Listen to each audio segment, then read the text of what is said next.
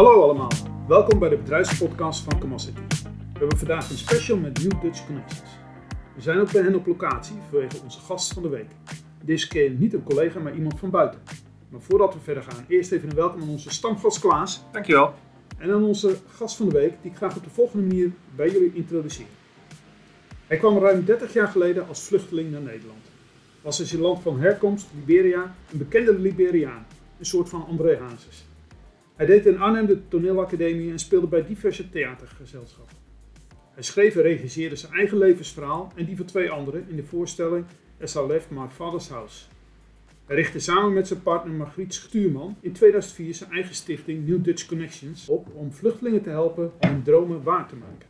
Hij organiseert met New Dutch Connections een theaterserie genaamd Future Citizens. Een theaterserie met live muziek waarin je nieuwe Nederlanders hun talenten en dromen ontmoet en waarin Klaas, Bart en ik met hem kennis hebben gemaakt. Hij is er mede verantwoordelijk voor dat we dankzij zijn inspiratie begin mei starten met de Toekomstacademie, waarin we 15 nieuwe Nederlanders een kans geven op een baan als softwareontwikkelaar. Overigens is het niet eh, begin mei, maar eh, nu ik het voorlees, begin april, namelijk morgen. En we starten met 13 mannen en vrouwen. Nou, we hebben het over niemand minder dan Bright Richards. Bright, van harte welkom. Wow, how so bright! Yes, yes, yes! Wauw, ik voel mij echt groot zo. Hebben, hebben we nog wat gemist in onze Oh, no, no, no, no, the one and only. Ik voel mij echt, eh, I'm the greatest, I'm the greatest, I'm the greatest, I'm the greatest. Ja, het was even speuren wat, hoe onze collega's introduceren. Dan doen we even een rondje binnen het bedrijf. Van weet je, wat weet jij nog? Maar voor jou moesten we natuurlijk eh, het internet afspeuren. En onze herinneringen van eh, wat we elkaar tot nu toe ontmoet hadden. Ja. Ja, heel leuk. Ehm, nou, fijn dat, we, nou, we zeggen, fijn dat we, jij te gast bent bij ons, maar wij zitten gast bij jou. Fijn dat we hier eh, kunnen zijn. 30 jaar geleden, eh, ja, ja, die doet het als een trein inderdaad. Ja. Even verifiëren of de juiste microfoon aan staat. Maar eh, 30 jaar geleden kwam jij naar Nederland. Eh, echt al heel lang geleden. Weet je nog voor, voor jezelf hoe dat was in die periode? Eh, Waar liep je tegenaan? Welke, welke hobbels moest je toen nemen? Ja, ik kom uit een oorlog situatie toe. We hadden Mhm. een, een burgeroorlog. Dus voor mij, als ik nu naar die televisie kijk, dan komen die herinneringen terug. Ja. Ik bedoel, en als ik dan gisteren kijk, je ziet daar de mensen die doodgeschoten zijn, op hun rug en alles. Dat zijn dingen die ik heb meegemaakt en heb gezien. En ik was ook zelf meegenomen voor executie. En dat heb ik eh, kunnen ontsnappen om twee redenen. Eerst omdat ik ging heel dik bij degene die mij wilde ombrengen staan. En het is een soort, het is een soort mythe die toen die tijd die soldaten, die rebellen hadden van als je iemand wil doodschieten, moet je dat van een afstand doen en niet dichtbij. Want als, je- als iemand van dichtbij schiet en die bloed van degene komt op jouw lichaam, zijn die, die rebellen dan bang dat ze hun magische kracht verliezen. Nu, kan ik, nu denk ik van het is niet per se dat ze, het is niet zozeer magische kracht, maar dan gaan ze zien dat het een mens is Ja, ja. die ze doodmaken. Omdat Ja. het bloed, alles, dan kunnen ze dat beeld niet meer vergeten. En daarom, ze zeggen tegen hun dat er magische krachten zijn, maar daarom vragen ze hun van, schiet je maar van een afstand. Dus, dus eigenlijk deels heb ik dat overleefd, omdat ik niet op een afstand wilde gaan staan. Dus alles wat ze deden om mij op een afstand te zetten, ging ik dichtbij staan. Dat was heel bewust van je. Heel bewust van mij. Ja. Dus ik ging niet, duwde, ik duwde mij weg, ging, ik raakte met de wapen en ik ging steeds dichtbij.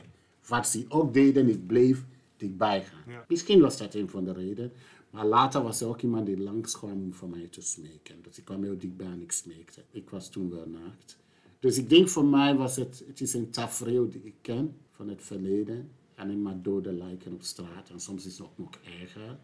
Want eh, Soms toen die tijd gebruiken ze ook eh, mensen sch- hoofd, schedel als nummerplaten. En dan gaan ze dat allemaal bij, op de auto zetten. En zeggen van ja, dit zijn eh nummerplaten. Dat is echt de schedel van mensen. Oké.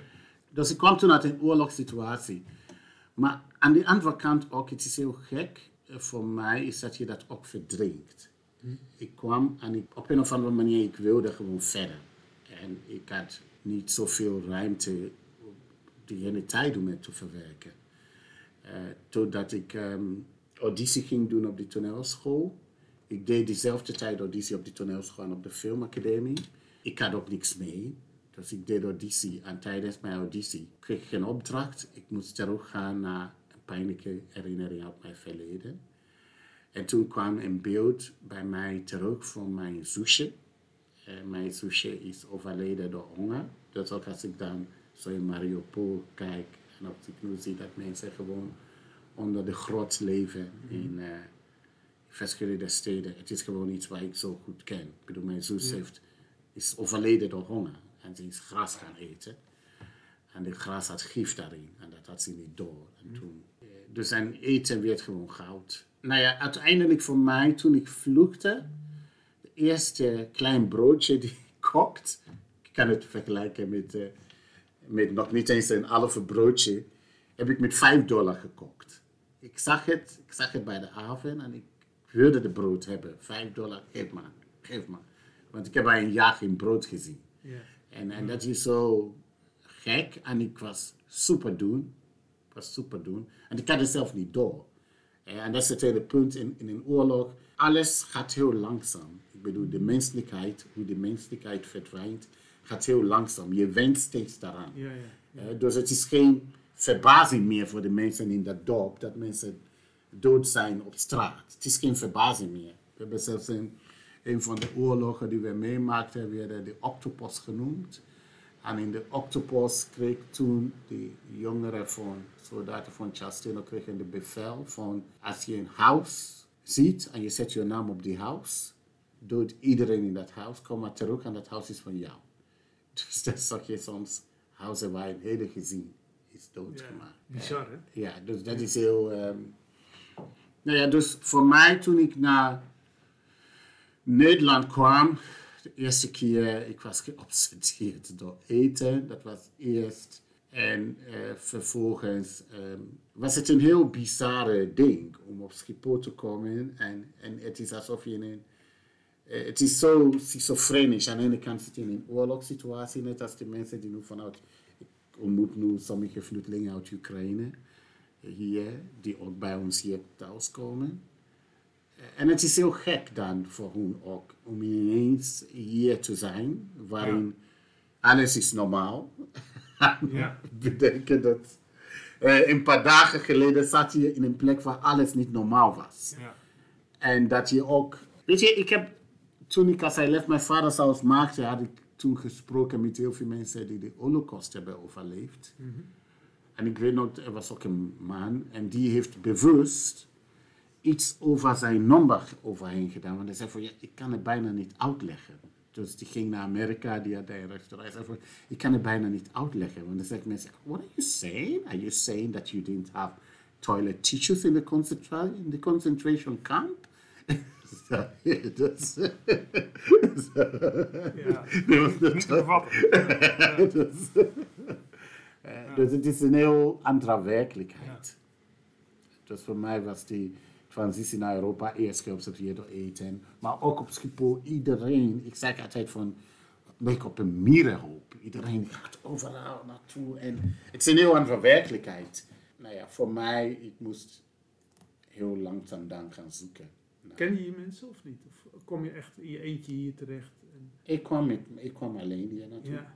Ja, ik kwam alleen hier naartoe. Dus uh, ik, heb, uh, ik heb op een andere manier. Ik heb ik, in mijn reis deed ik alsof ik voor zaken ging. en zo kwam ik op Schiphol.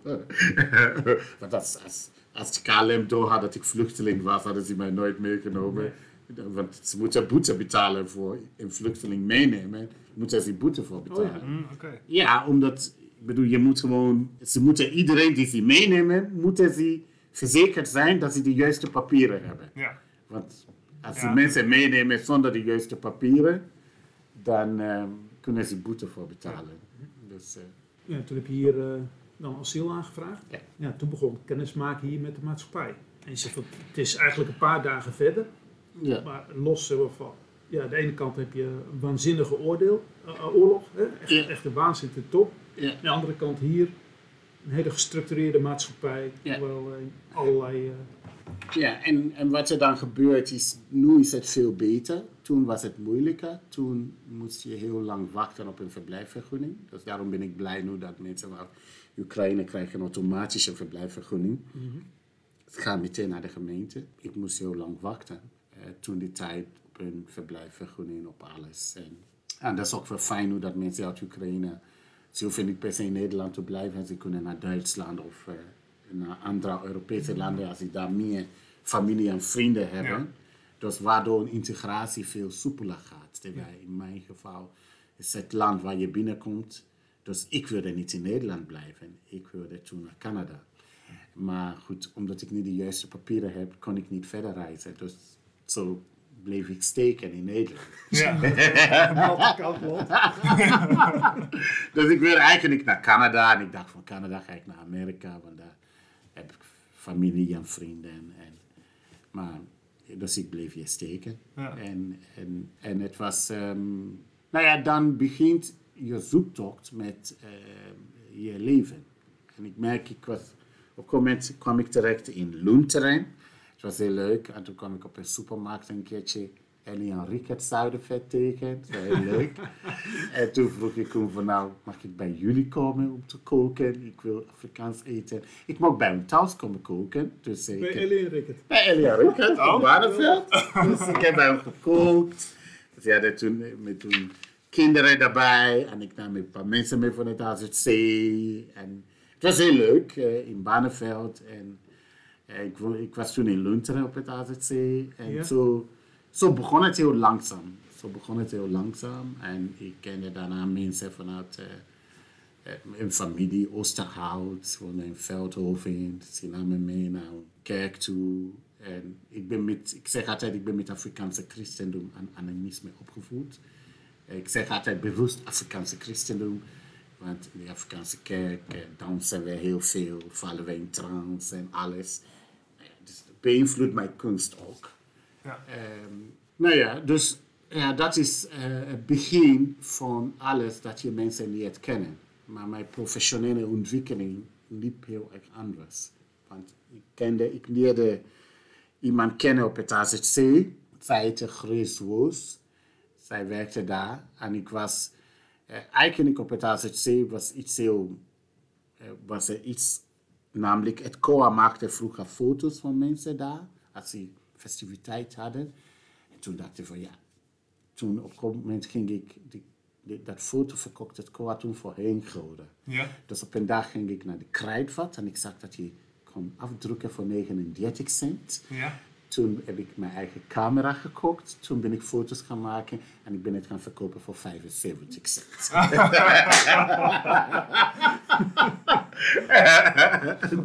dus, uh, dus had ik, uh, nou ja, op een moment had ik het geld kunnen terugverdienen voor mijn fototoestel. En toen had ik uh, hoeveel cent per, per filmpje als winst, weet ik veel, 30 cent of 35 cent. Maar dat winst ging ik elke week, onder organiseerde ik een entertainmentprogramma kocht ik ook soms bier. Mensen dronk, mensen gingen feesten. En ik maakte nog meer foto's. Dus, dus alle andere asielzoekers daar kregen 20 gulden per week. Maar ik verdiende meer dan 20 gulden per dag. Ja. Maar eigenlijk gebruik ik dat geld om te zorgen dat ons verblijf daar heel aangenaam werd. Ja. Want ik organiseerde elke week entertainmentprogramma. Ik ging van caravan naar caravan om foto's te maken. Uh, en, en, en die Grey heeft mij gezien toen ik entertainmentprogramma organiseerde. En zij heeft tegen mij gezegd, ik werk als vrijwilliger bij een festival, music meeting, en ik kan je introduceren daar. Dan kan je andere artiesten leren kennen. Hm, oké. En, en zo is dat uh, begonnen. Dus ik ben eerst gaan werken bij de deur. En, en toen die tijd deed ik mee met uh, Circus Colorful City, die werd georganiseerd in Nijmegen tegen de komst van Centrum Democraat. Ik mocht het presenteren. En toen deed mee Anneke Groenlo deed mee, de Blue Diamonds deed mee, Akim Traida, heel veel artiesten. Dus het was een circus van... Dus, en, en, en toen gebeurde iets magisch toen ik, ik, mocht, dat fest, ik mocht dat festival presenteren. Mm En toen ik daar stond op dat podium, toen, toen ging een soort energie door mijn lijf. Ik had een klompen aan, ja. met Afrikaanse kleren, een gele klompen eh, met Afrikaanse kleren. En ik stond op dat podium en ik had mijn adrenaline door mijn lijf. En dat gevoel, dat was een gevoel die ik had vanaf toen ik 12 was of zo, 11, 12. En toen begon ik te debatteren, ook toneel te spelen. En ik speelde vroeger veel toneel in de kerk. eh, Voor 3000 man, soms in het stadion. En dus ik was heel erg gewend van kinds af aan om op het podium te staan. Ja. En dat komt ook omdat in ons kerk de eerste zondag wordt georganiseerd door die, nou ja, door die dominees. Die tweede zondag wordt georganiseerd door de mannen. Mannen bepalen alles. De derde door de vrouwen. Zij bepalen alles. Die preek of zij prediken zelf. Of zij vragen. De vierde door de jongeren. En de vijfde door de kinderen. Dus, en, dus vanaf kinds af aan leer je dan, soms is het mijn beurt, Ja. om dan te preken of te spreken. En dan ga je van alles doen, onderzoeken. Dus dan leer je gewoon van kind af aan jezelf te uiten, maar Ja. ook politiek te houden, heel erg bedekt. Ehm, dus voor mij kwam dat gevoel terug toen ik op dat podium stond. Toen dacht ik, oké, als ik hier kan staan in een vreemd land, voor een vreemd publiek, en ik kan interacteren, kan ik mijn oude vak weer beoefenen. Ja. Eh, en dat komt omdat ik, voordat die oorlog uitbrak in Liberia, had ik mijn eigen televisieprogramma. Dus ik had daar mijn eigen televisieprogramma vanaf mijn 20ste jaar, 19e, 20ste jaar had ik mijn eigen programma. Dat was, je ook eigenlijk, was, je, was je dat dan eigenlijk kwijtgeraakt door die oorlog? Zeg maar, Ja, ja, ja, Dat ja, gevoel ja. van dit, dit kan ik, dit ben ik. Ja, dat was ik helemaal kwijtgeraakt. En dat is eh, eh, wat gebeurt met veel vluchtelingen. Dat je gewoon, je verliest je zelfvertrouwen. Ja. Ook omdat toen die tijd, je moet heel lang wachten op een verblijfsvergunning. Je verliest je zelfvertrouwen, je verliest het gevoel van... Ik- Althans voor mijzelf, ik had het gevoel dat ik geen waarde had. Want Ik was gewend van kind af aan dat ik toedeed. Ik groeide op in een gemeenschap waar ik gezien werd. En ineens had ik het gevoel hier dat ik niet word gezien. Nee, En dat is wat bij mij centraal staat in New Dutch Connections. Namelijk ehm, vluchtelingen een podium bieden waarin ze gezien worden. Ja. Maar ook gezien worden door de juiste mensen. Want als ik mee zou doen met jullie traject, nou ja, jullie zouden mij wel zien, maar ik kan geen software ontwikkelen. Dan la- Snap je? Dus eh, je zou mij zien, maar, maar dan zijn jullie misschien de verkeerde mensen die mij dan zien. Ja. Want ik moet gezien worden door eh, mensen, door regisseurs, door producenten. En niet door mensen die software dingen doen. Behalve als jullie fashion willen doen, hè, dan Ja. wel. Eh, Dus, dus, en diezelfde geldt als ik een softwareontwikkelaar breng bij The Voice, of bij weet ik veel, dan is die ook op een verkeerde podium. Ja. Eh, dus, en dat is voor mij kenmerkend van wat mij dan, nou ja, wat ik belangrijk vind bij NDC, is dat vluchtelingen gezien worden door de juiste mensen. Ja. En dat ondersteund worden door de juiste mensen. En begeleid worden door de juiste mensen. En dat is wat er soms ontbreekt. Er zijn veel mensen die een warme hart toedragen naar die vluchteling. Dat Ja. is zo, dat is geweldig. Maar het wil niet zeggen dat ze de juiste netwerk zijn. Kijk, ik begon daar bij Music Meet op het podium. Het was ook niet mijn juiste podium, maar in ieder geval was het wel een podium. Ja. Die mij hielp in mijn beginnende moment om zelfvertrouwen te krijgen. Ja. Eén stap in de goede richting. Eén stap in de goede richting. Ja. Eh, terwijl daarvoor heb ik ook eh, een woning geverfd en zo. Het was goed door Ja. netwerk, maar dat was niet mijn richting. Er was iemand die mij ook een baan bood om eh, te werken bij een bloemenveiling. Geweldig, maar. en dat was, ja, het was grappig, want eh, toen ik auditie deed bij die toneelschool, ik werkte bij een fabriek. Ik werkte toen bij een finishfabriek. Ik moest toen de chips verplaatsen. Ik moest chips verplaatsen en kijken of eh, de chip beschadigd was. Maar in de pauze riep ik altijd aan mijn collega's naar de kantine en ging ik toneel spelen. en, en later vroeg ik de baas daar van waarom... Ja, ik was vreselijk in dat, dat chips eh, verplaatsen. Ik moet in een stofvrij ruimte. Van, ja, waarom heb je mij vastgehouden? En hij zei van ja, toen je daar was hadden we misschien veel, eh, heel weinig eh verzuim. Want eh, iedereen kwam in de middag naar jou. Ja, Oké. oké, Ja. ja, of iedereen een nieuwe energie. dus ik had een heel andere functie dan. Eh, dus, dus dat is kenmerken voor ons bij New Dutch Connections. Is hoe zorgen wij dat vluchtelingen gezien worden en gezien worden door de juiste mensen. En dat komt door, deels door mijn ervaring. Hier komen als vluchteling. een nieuwe stad proberen te maken en gezien worden door de juiste mensen. Ja. Eh, maar ook, ja, maar ook, Maar je zegt echt twee dingen, want je zegt ook, het is ook weer voor, die, voor de vluchteling zelf weer vertrouwen ja, op te bouwen. Ja. Dus het is van de buitenkant dat iemand gezien wordt, maar ook dat iemand die ergens zit, het gevoel heeft, ik doe het toe. ja, en gezien worden door mensen die dat kan waarderen. Die Ja. echt weet van nou, je bent daarin goed. Ik bedoel, kijk, ik kan niet oordelen of iemand een goede voetballer is. Dat kan ik niet. Maar laat die persoon, laat nu van ga je naar die persoon kijken. Die weet dat binnen vijf minuten. Ja. die weet wat kan ik hier niet. Snap je? Die kan nu voor een bergwijn van een bank zitten tot een go-getter maken. En dat is, Ja. dat, dat is een talent voor mensen die iets in een bepaald vakgebied kennen. Die Ja. kunnen oordelen. Het is een beetje als je als vluchteling bent, zit je een beetje tussen kies en kunst en kitsch. hè? Ja, ja, Ben je kunst? Is dat ook kunst of is het kitsch? Ja. Dat kan je niet beoordelen. ja. Dat kan je, dat kan, ja, die vluchteling kan dat wel zeggen, maar ja, je hebt gewoon een kenner nodig ja. Om dat te beoordelen, maar ook om degene een advies te geven.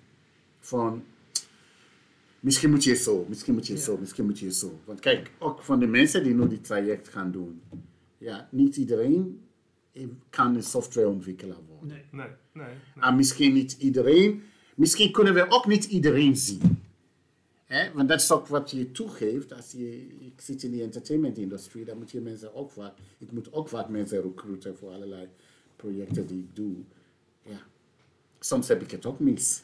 Ja, Eh, eh, Soms heb ik het ook mis. Maar het belangrijkste is, maar ik kan wel snel oordelen hoe, of iemand een goed acteur is, maar ook of die manier waarop die speelt geschikt is voor Nederland of niet. Of geschikt is voor welke publiek binnen Nederland. En ik kan dat heel snel oordelen. Ik kan dat snel, ik kan dat heel snel zien. Ja. ja. Is Nederland een ander publiek dan, als je dat vergelijkt met... eh, Oh Ja? totaal. Totaal. Ik bedoel, eh, alles wat ik doe in Nederland, doe ik anders. Ik bedoel, toen in mijn afstudeerjaar op die toneelschool ben ik teruggegaan. Eh, ik ben niet naar Liberia gegaan, ik ben naar Ghana gegaan als onderdeel van mijn afstudeerstuk. En ik deed iets met het thema van Oedipus. En ik werd toen ondersteund door onder andere Hugo Klaus, was geweldig. Maar kijk, in een Afrikaanse samenleving is het. Ja, eh, zij zien met bijna alles, zien ze die, dat, er, dat er spirituele invloed is in alles. Ja, Ja, dat, kan je, dat is er niet hier. nee. Je? Nee, dat is wel anders. Dat is het hier niet. Ja. Plus het feit, ik bedoel, eh, stukken gaan daar veel meer over politiek, over armoede, over corruptie, over van alles Ja. en nog wat. Nou ja, stukken hier, veel toneelstukken hier gaat over relaties. ja, dat is ook echt andere thema's. Het is een totaal ander thema, ander publiek. En eh, dat is ook wat je ziet, ook eh, als je... Ik heb, ik heb na mijn afstuderen bij de toneelschool heb ik veel gewerkt als trainer. Ik trainde veel, veel experts. Eh, maar ik werkte ook met veel bedrijven, Nederlandse bedrijven die in Afrika zitten. Ik heb ook veel gewerkt met Nederlandse ambassades in Afrika. Totaal andere soort thematieken. Ja. Ja, dus het is heel andere werkelijkheid. En, en dat moet ook, als een nieuwkomer hier komt en je hier gaat werken, dan moet je echt ook wennen aan die, eh, niet alleen aan de cultuur van die samenleving, maar ook aan die organisatiecultuur, aan die organisatiestructuur. Ja. Ja, die heeft, of je nou toneelspeler bent of eh, softwareontwikkelaar, Ja. je hebt eigenlijk met diezelfde problematiek dan te maken. Ja, Hè? Dat je ja. moet snappen hoe het hier werkt. En dat is meestal dus anders dan dat je gewend bent hier thuis. Ja, je moet die context weten. Ja. De context is heel belangrijk en je moet kijken van hoe kan je voorwaarden zijn binnen je nieuwe context. ja. Maar ook wat neem je mee. Hè? Dus als je weet wat je meeneemt, is ook fijn. En hoe doet uh, New Disconnections dat? Om, om dat bij elkaar te brengen, zeg maar. Nou, kijk, New Dutch Connections, we zijn aan de ene kant een productiemaatschappij. We produceren professionele voorstellingen die overal in het land reizen, maar ook in het bedrijfsleven speelt. En daarnaast organiseren we programma's samen met bedrijven. Uh, en het programma bestaan uit wat we noemen hard skills en soft skills. Soft skills, dat geeft het bedrijf. Maar het is ook een soort recruitment programma, een soort een scouting programma. Ja. Eh, want ik zeg ook vaak tegen de deelnemers, ja, ik weet niet of wij jou veel gaan leren. Maar wat het belangrijk is, is hoe kan jij ons ook heel erg laten zien wie je bent, en wat je kan en wat jij bij te dragen hebt. Ja. Eh, Als dat jou lukt, dan is dat mooi. Als dat jou lukt. ja, dat kan ook al een leerproces zijn dus voor die deelnemers. Ja, om dat te laten zien. Ja. Ja. Om dat te laten zien. Ja.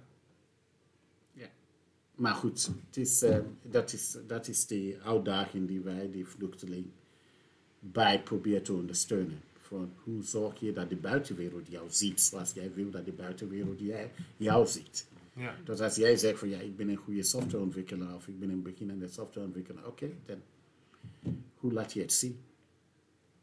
Ja. Ik bedoel, in mijn vak, dat is wat ik continu doe. Dus, ehm, en dus in die zin net, trek ik heel veel parallel tussen Ja. op een podium staan en, en werken. Maar goed, kijk, je hebt een, om één man op het podium te laten staan, heb je hoeveel mannen achter, de, achter het podium. En zo geldt het ook. Dus, ehm, maar uiteindelijk gaat het om dat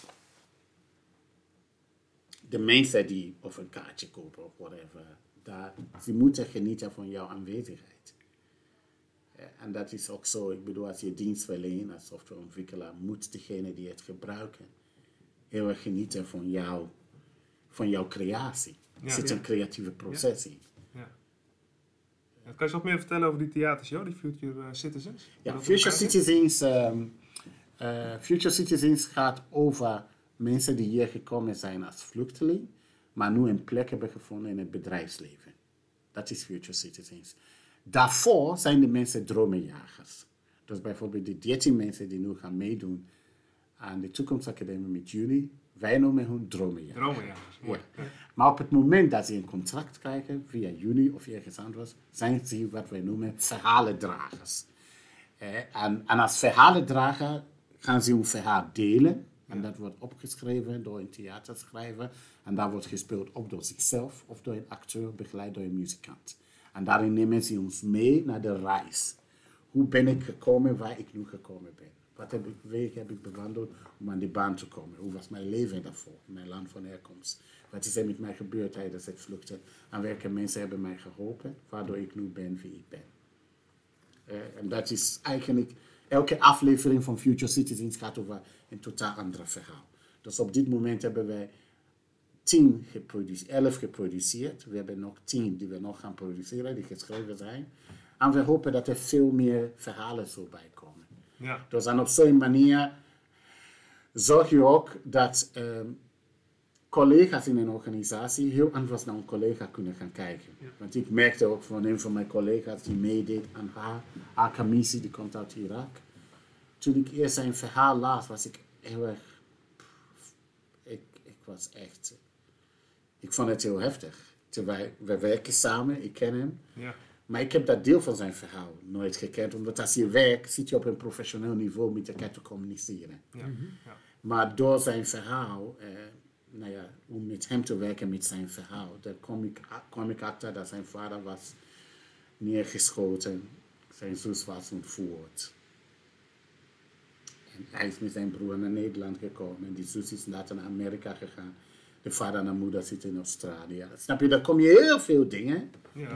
Ja. En, nou ja, en zo krijg je contact op een heel ander niveau. Ja. ja, je leert elkaar veel beter kennen dan, hè? Ja. Ja. Ik vond het heel mooi toen we, wij zijn een keer geweest, de Klaas, Bart en ik. Ja.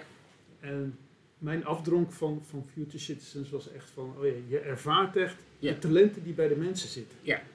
Het is, eh, het wordt ineens wordt het van een soort van verhaal van, ja, iemand is op zoek hier naar zijn plek.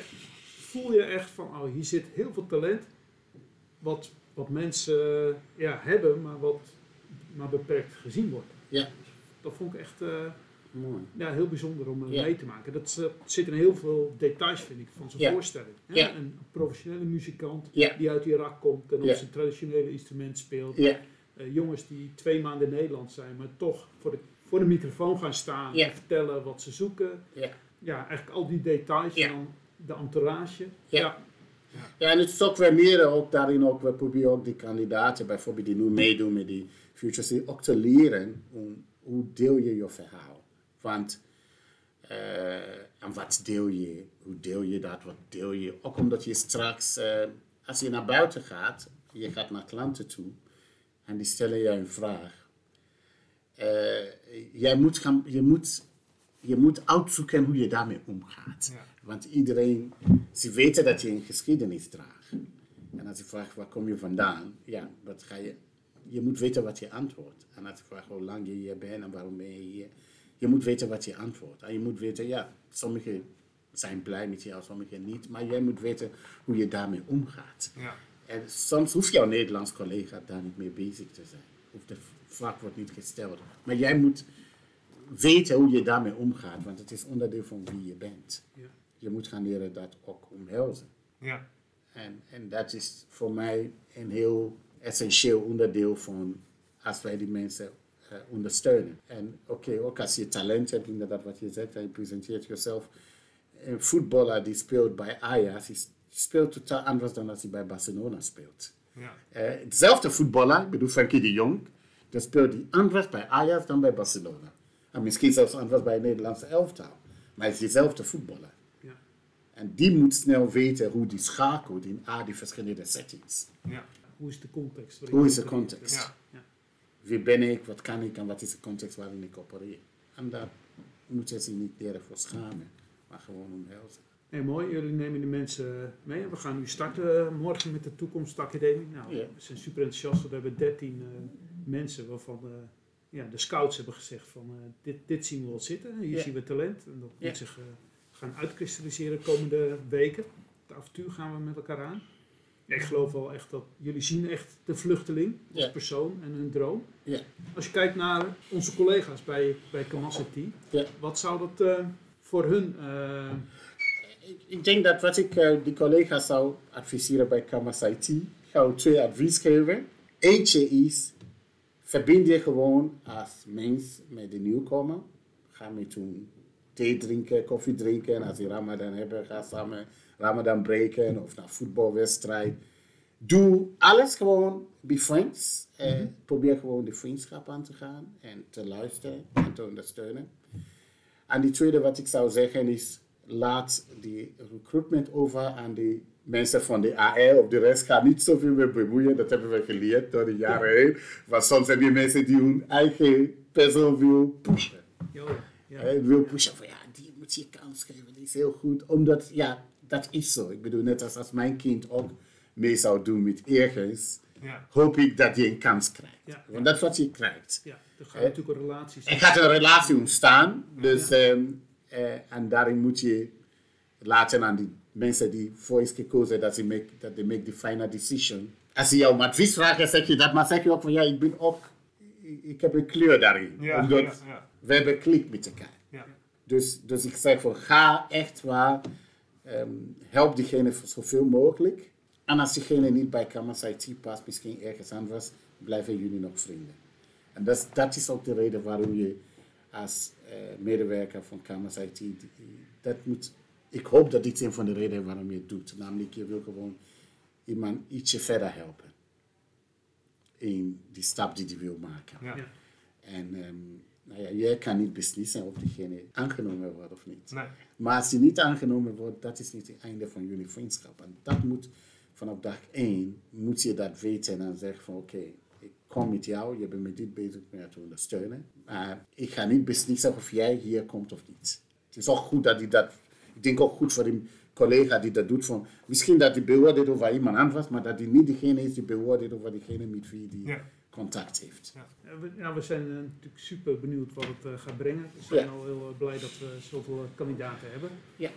Eh, En ik denk dat mensen moeten, ik denk dat het heel fijn is voor die collega's om te zien van oké, eh, net als ik zei, ik ga iemand ietsje verder helpen. ja, niet, te- niet te hoge doelen eigenlijk. daarin. Ja, want als je het, als je het zo ziet van oké, want diegene heeft heel veel doel, heeft misschien een doel, heeft een verwachting, en misschien soms zijn de verwachtingen niet realistisch. Mhm. Misschien is diegene, ja, die heeft alleen maar hardware gedaan, nu wil die software. Het is, dat, dat heb je heel lang soms. Je moet, tenzij je heel veel inhoud heeft maakt, dan is jouw kloof te groot. Ja. Is jouw kloof te groot. En dat maakt het spannend. Ook van jullie die daarin investeren. Want jullie investeren tijd, je investeert geld, je investeert van alles in. Gaat het die rendement opleveren? Gaat het wat opleveren? You never know. Je gaat daarin wel met een goede gemoed. eh, rust dat dat zou lukken. Maar het kan ook zijn dat het niet helemaal lukt. Maar dat ontkent niet het feit dat jullie mensen echt extreem geholpen hebben. Net als je ook nu die racefietstocht doet om geld in te zamelen voor de moeder en kind in Peru. En, eh, dit zit ook in de verlengde daarvan. Ja. Natuurlijk is het fijn als de mensen bij jullie komen, maar mocht dat niet lukken, wij denken wel dat het gaat lukken, maar mocht dat niet lukken, dan heb je mensen ook verder gebracht. Ja. Nou, we gaan, eh, wij kijken er naar uit. Ja. Eh, ja, leuk dat we met je in, in gesprek konden. Eh, beseffen wel van, hè, we openen met, de, met een hele grote vraag. Hoe was het in Liberia en in Nederland? En dan vertel je ja, hoe eigenlijk de beelden van Oekraïne weer terug op je netvlies komen. Ja. Ja, eigenlijk is deze podcast eh, eh, niet echt een podium om daar heel erg op door te vragen. Maar ik besef wel van, oh ja, hier zit echt enorm veel achter. Wat ja, wij Ja. hier in onze comfortabele wereld er geen idee van hebben Ja. hè, wat het eh, met je doet en zo. Nou, ik hoop dat het eh, mijn collega's ook eh, inspireert om eh, ook waar ze te maken krijgen met, eh, met de nieuwkomers, eh, Ja. ja, enthousiasme mensen op te lopen, Ja. ze op te zoeken. En, en ik zou ook tegen de collega's zeggen, kijk, Grace Woos, die heeft mij toen alleen maar voorgesteld op die plek waar zij zelf vrijwilligerswerk doet. Dat was niet op haar werkgebied. nee, Waar zij vrijwilligerswerk deed. En dat was mijn grote stap voor mij. Ja. En ze zei toen die dag van ik zei van ja, maar Bright, ik had gewoon gedacht, jij gaat daar werken bij de deur. Ineens zag ik je op het podium. het was helemaal niet, Ja. het was niet in de plan. nee, dat is één. En die tweede zeg ik altijd, eh, help als collega's, help elke statushouder om zijn klompen te vinden. Dus ik heb klompen, ik heb drie jaar op klompen gelopen in Nederland. Eh, ik heb het eerst mee die festival gepresenteerd, omdat toen ik dit festival ging presenteren, dacht ik wat is mijn, wat maakt mij uniek? Wat is mijn eigen merk in Nederland? Toen dacht ik van, oké, ik ben Af Afrikaan, ik kom uit Afrika. En wat is Holland? Toen heb ik die klompen bij- bijgepakt en Afrikaanse kleding. Dat werd mijn merk. Voor drie jaar liep ik daarmee. Ik heb een baan gevonden bij Oud en Bureau. Ging ik soms mee naar begrafenis, naar overal naartoe. Maar wat wel gebeurde met die klompen die ik toen niet door had, was dat door die klompen werd ik gezien. Ook, als ik, ook was ik er niet op het podium aan het presenteren. Dus die straat werd mijn podium. Ja. En elke voorbijganger werd mijn publiek. Ja. En, en op een of andere manier, dat was wat ik miste. Want niet wetende, omdat ik zei vanaf mijn 11e, 12e stond ik op het podium. Dus blijkbaar miste ik dat heel erg om dat door te hebben. En dus dat klompen gaf mij het podium terug. Het was het begin daarvan. En daarom hoop ik dat deze project ook de eerste klompen is voor veel van de kandidaten. Mooi. Ja. ja. ja. ja, fantastische vergelijking. Ja, Dankjewel. oké. Leuk dat we hier gesprek, Nou. dit gesprek konden voeren. En ik eh, ja, denk zeker dat het eh, inspirerend is. eh. en, zeker voor ons al nu een start van dit weer. Nou, fijn.